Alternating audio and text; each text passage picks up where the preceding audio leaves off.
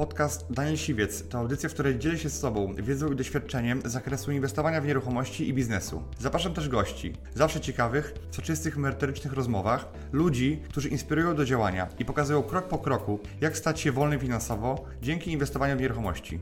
Posłuchaj ich historii, zastosuj modele działania, wykorzystuj narzędzia i uzyskuj podobne rezultaty.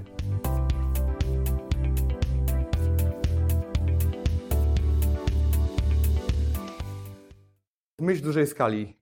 Ja zacząłem zarabiać naprawdę duże pieniądze dopiero wtedy, kiedy zacząłem wierzyć w to, że mogę zarabiać te pieniądze. Ja nie byłem 5 lat temu mądrzejszy niż jestem. Trochę więcej doświadczeń mam dzisiaj, prawda?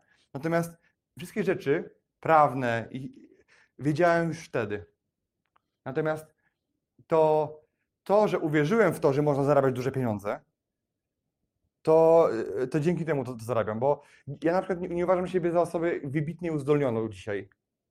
Ja na przykład jeszcze 3 lata temu to miałem, strałem w gacie, jak miałem wystąpić przed studentami, po prostu, 20 studentów. Cały blady, czerwony.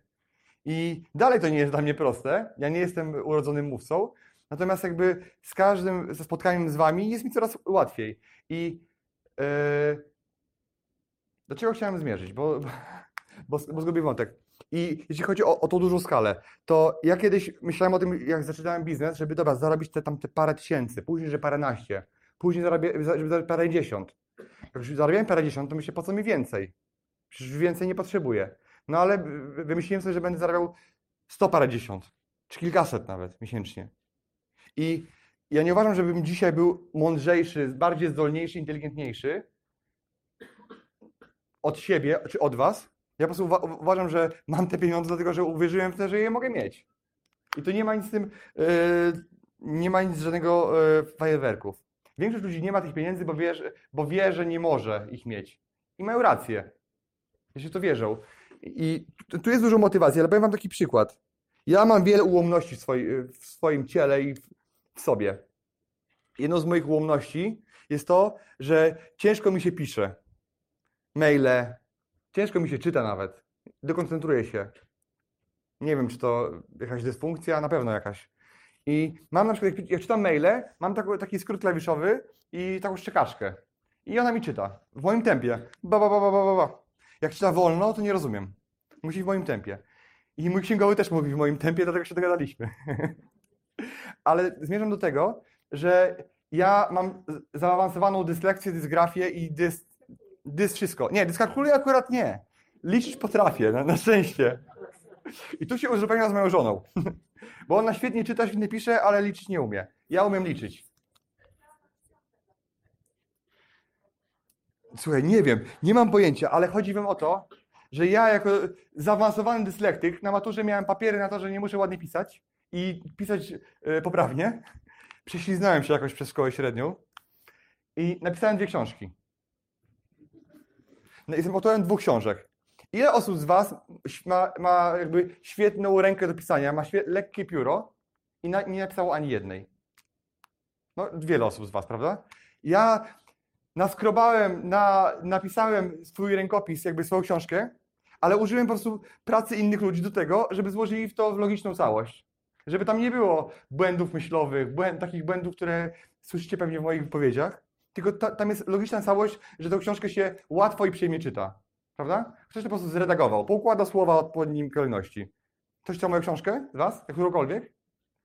Okej, okay. to ktoś nie, ktoś nie czytał w ogóle mojej książki? Nie, nie, zostajecie, spokojnie. I chcę wam powiedzieć tak, że ja jako dyslektyk napisałem y, dwie książki. I ja wiem, że powiem wam jeszcze coś lepszego. Na moim szkoleniu był ostatnio człowiek, który ma o wiele większą, o wiele większą dysfunkcję niż ja. Jest niedowidzący. Ja miałem w ogóle dylemat moralny, czy go na to szkolenie zaprosić, czy wpuścić. Bo jak mi sugerował od razu, że ma taką dysfunkcję, ma 5% yy, widzi, 5% widzi, czyli jak siedziałem z nim przy stole na obiedzie, to on mówi, że Daniel widzę tylko białą koszulę, które, w której jesteś dzisiaj. Nie widział nic.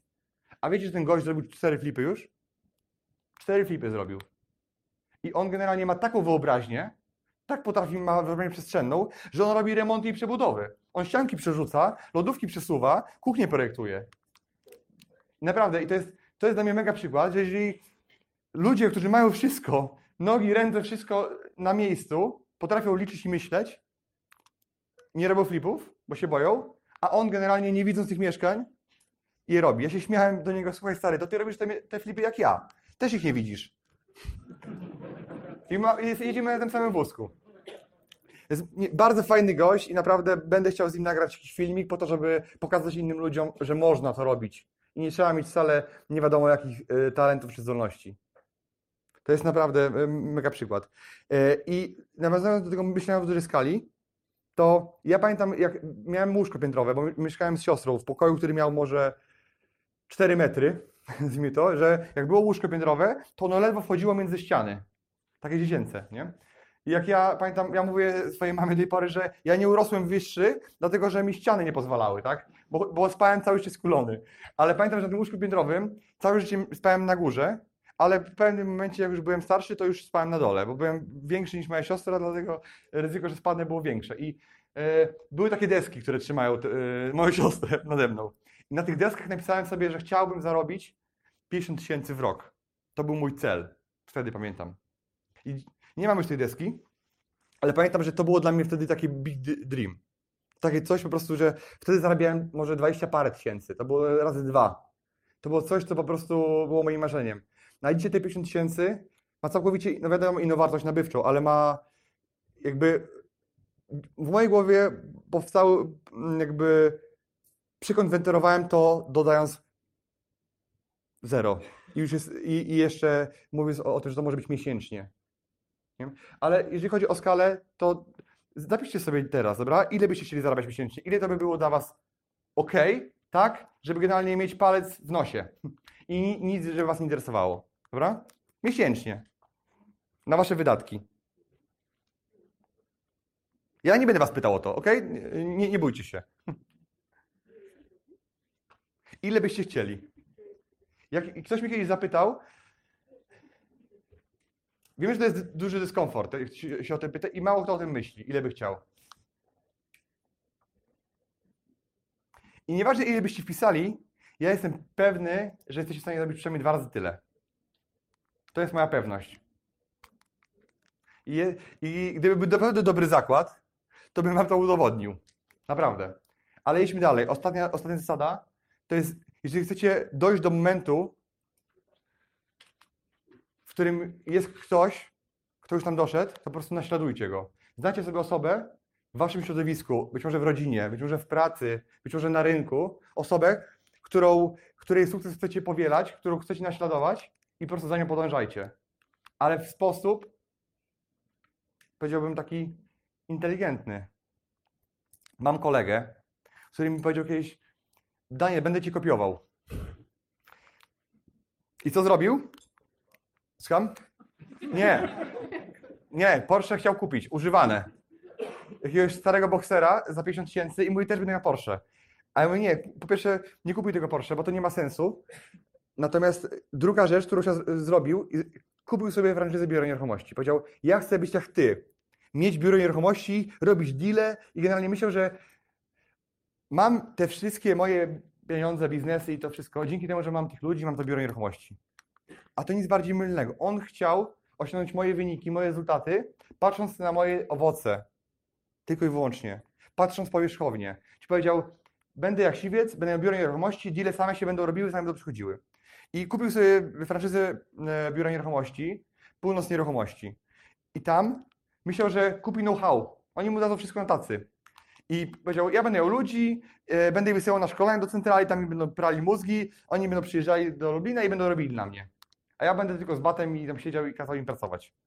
No jak się okazało, on ich wysyłał do tej centrali, ale ci ludzie generalnie nie chcieli pracować, bo nie miał kto ich wdrożyć, bo on nie potrafił tego robić.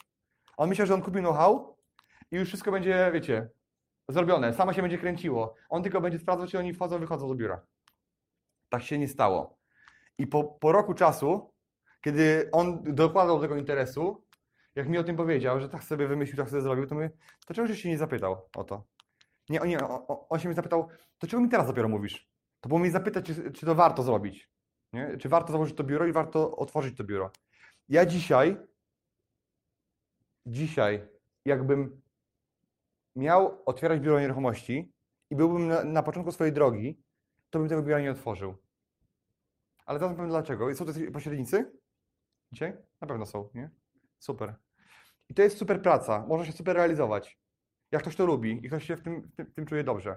Ale jest inna rzecz, która nie, którą ja, nie wierzę w tej, w tej branży. Że można zarabiać miliony złotych. Będąc pośrednikiem albo w Polsce, albo mając agencję nieruchomości. Ktoś zna kogoś, kto zarabia ponad milion złotych rocznie prowadząc agencję nieruchomości? Ktoś zna w ogóle taką osobę? Widział tak? tak? Milio, miliony? Okej. Jest taka jedna osoba być może, tak? Może jest ich kilka w Polsce. Ja nie byłem taką osobą. Wiecie dlaczego? Bo ile jest średnia transakcja w Polsce? No załóżmy w Polsce, czy nawet w Warszawie. Ile jest średnia transakcja na rynku? 500 tysięcy? Więcej? No 500, tak? I na przykład w Warszawie jest 500. Ile średnia prowizja wynosi? 3%, tak? No właśnie, ale mówmy o średniej średniej, dobra? Bo teraz y, każdy ma inny know-how, każdy pracuje inaczej. Załóżmy 3000. To jest 15 koła.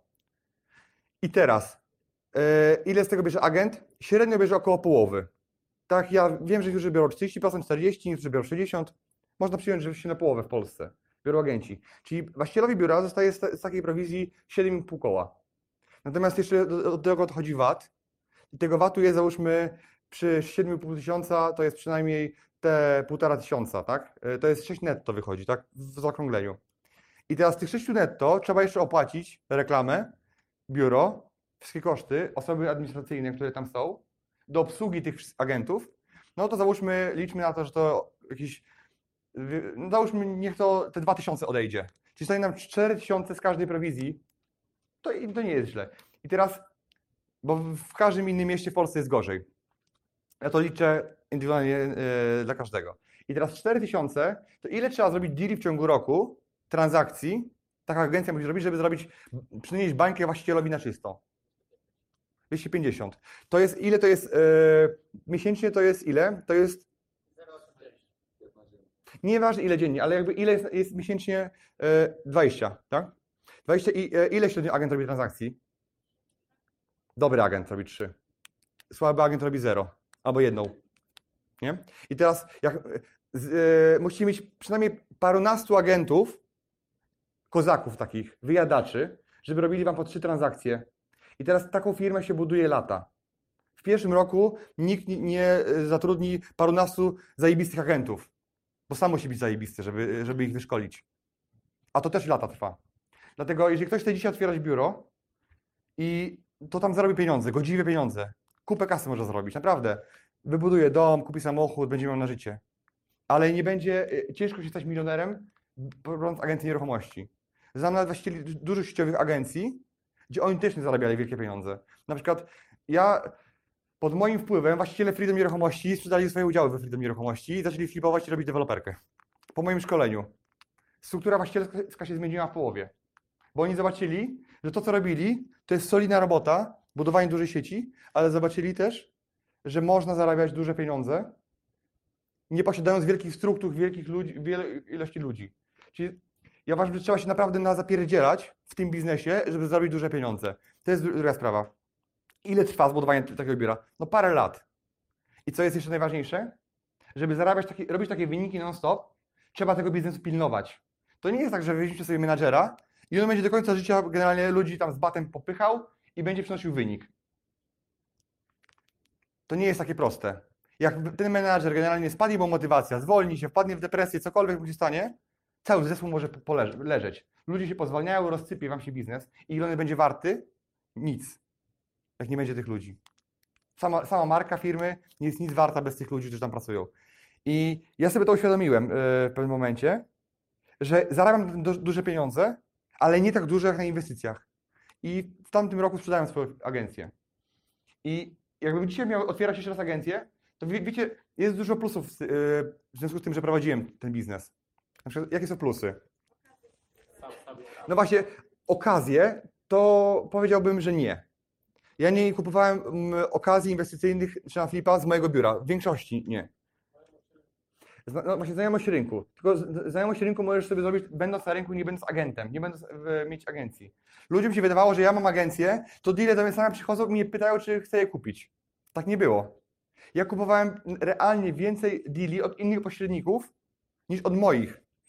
Bo jak ja zobaczyłem, że ja moich edukuję, generalnie mówię im, co się dzieje w tym biznesie, to po, po, pokazuję im za dużo wręcz, to oni zaczęli robić to samo, bo, bo nie mieli pieniędzy i wiedzieli, jak to robić. Ja powiedziałem, nie, nie, nie, hola, hola. Odklejam te dwa biznesy od siebie i generalnie moi agenci nie wiedzą nic o flipach, poza tym, że dostają je czasami do sprzedaży. I od tej pory już nikt więcej nie wyciekł stamtąd. Dlatego też nie motywowałem ich, nie mówiłem o tym biznesie, nie pompowałem, żeby oni szukali tych okazji, nie, nie uczyłem ich, jak tego szukać, bo wiedziałem też, że e, jest duża szansa, że będą to robili, bo już tak się działo po prostu historycznie. I, i można powiedzieć, że teraz mam super doświadczenie, tak? Dzięki temu, że miałem tę agencję, bo ja przeprowadziłem kilkaset transakcji w swoim życiu. Moja agencja zrobiła tysiące transakcji i najgorszy syf, najgorsze bagno, które było do zamknięcia, trafiało na moje ręce, bo byłem właścicielem. Miałem największą wiedzę w tej firmie. Sam stan prawny sprawdzałem. I dzięki temu, że zrobiłem sto kilkadziesiąt swoich flipów na własnym majątku, plus zrobiłem do, dodatkowo do tego paręset transakcji moich klientów, to mam mega dużą wiedzę dzisiaj na ten temat. I być może mało, mało osób z Was byłoby mnie w stanie zagiąć jakimkolwiek pytaniem w tej kwestii. Natomiast, czy to jest niezbędne, żeby być fliperem? Nie. To jest zajebiście ważne, jak prowadzę szkolenie i czuję się mega pewnie w tym. Że ktoś mnie zapyta, a ja mu będę w stanie odpowiedzieć. A, B, C, trzy drogi, którą sobie wybierasz. Natomiast w byciu fliperem to jest rzecz ważna, ale dzisiaj ja bym jej nie chciał mieć i ja bym wolał dzisiaj, ileś lat temu powiedzieć, nie, ja teraz wiem, co są flipy, umiem, bo wiem, że da się je robić i bym je po prostu robił. Bym ekspertyzował się w, w samych flipach, bo flipy, jak wam zaraz pokażę, szybciej mnożą majątek niż usługi. Szybciej mnożą. I ja dzisiaj na przykład nie wchodziłbym wcale w ten biznes, mimo tego, że on mnie dużo nauczył, dużo warsztatów z klientem, dużo ludzi poznałem. Mega fajny biznes, jak się go lubi. Natomiast dzisiaj bym to, co zrobiłem w 8 lat, gdybym wybrał inną drogę, zrobiłbym w 5. Gdybym poszedł na skróty trochę. Bo ja uważam, że pójście przez agencję to jest taka droga fajna, ale trochę naokoło. I co jeszcze Wam powiem, jeżeli chodzi o, o usługi, o ten biznes? Bo na pewno część z Was myśli sobie, dobra, założę biuro i to będzie dobry start. Albo ja bym wolał powiedzieć, pójdź do, jeżeli nic Cię nie wiesz, to pójdź do pracy do agencji i tam się sprawdź. A po co, żeby się napić piwa, nie trzeba od razu otworzyć browaru. Po prostu. Można sobie spróbować, czy jest dla Ciebie. I wiecie, jaką ja ważną lekcję otrzymałem od, od jednej, z- właśnie od Leszka Czarneckiego? To on powiedział coś takiego kiedyś, że biznes usługowy musi przynosić zyski od razu. Jeżeli on przynosi zyski po roku, po półtorej roku, to jest gówno nie biznes. To jest generalnie, on, on w to nie, nie powinien wejść.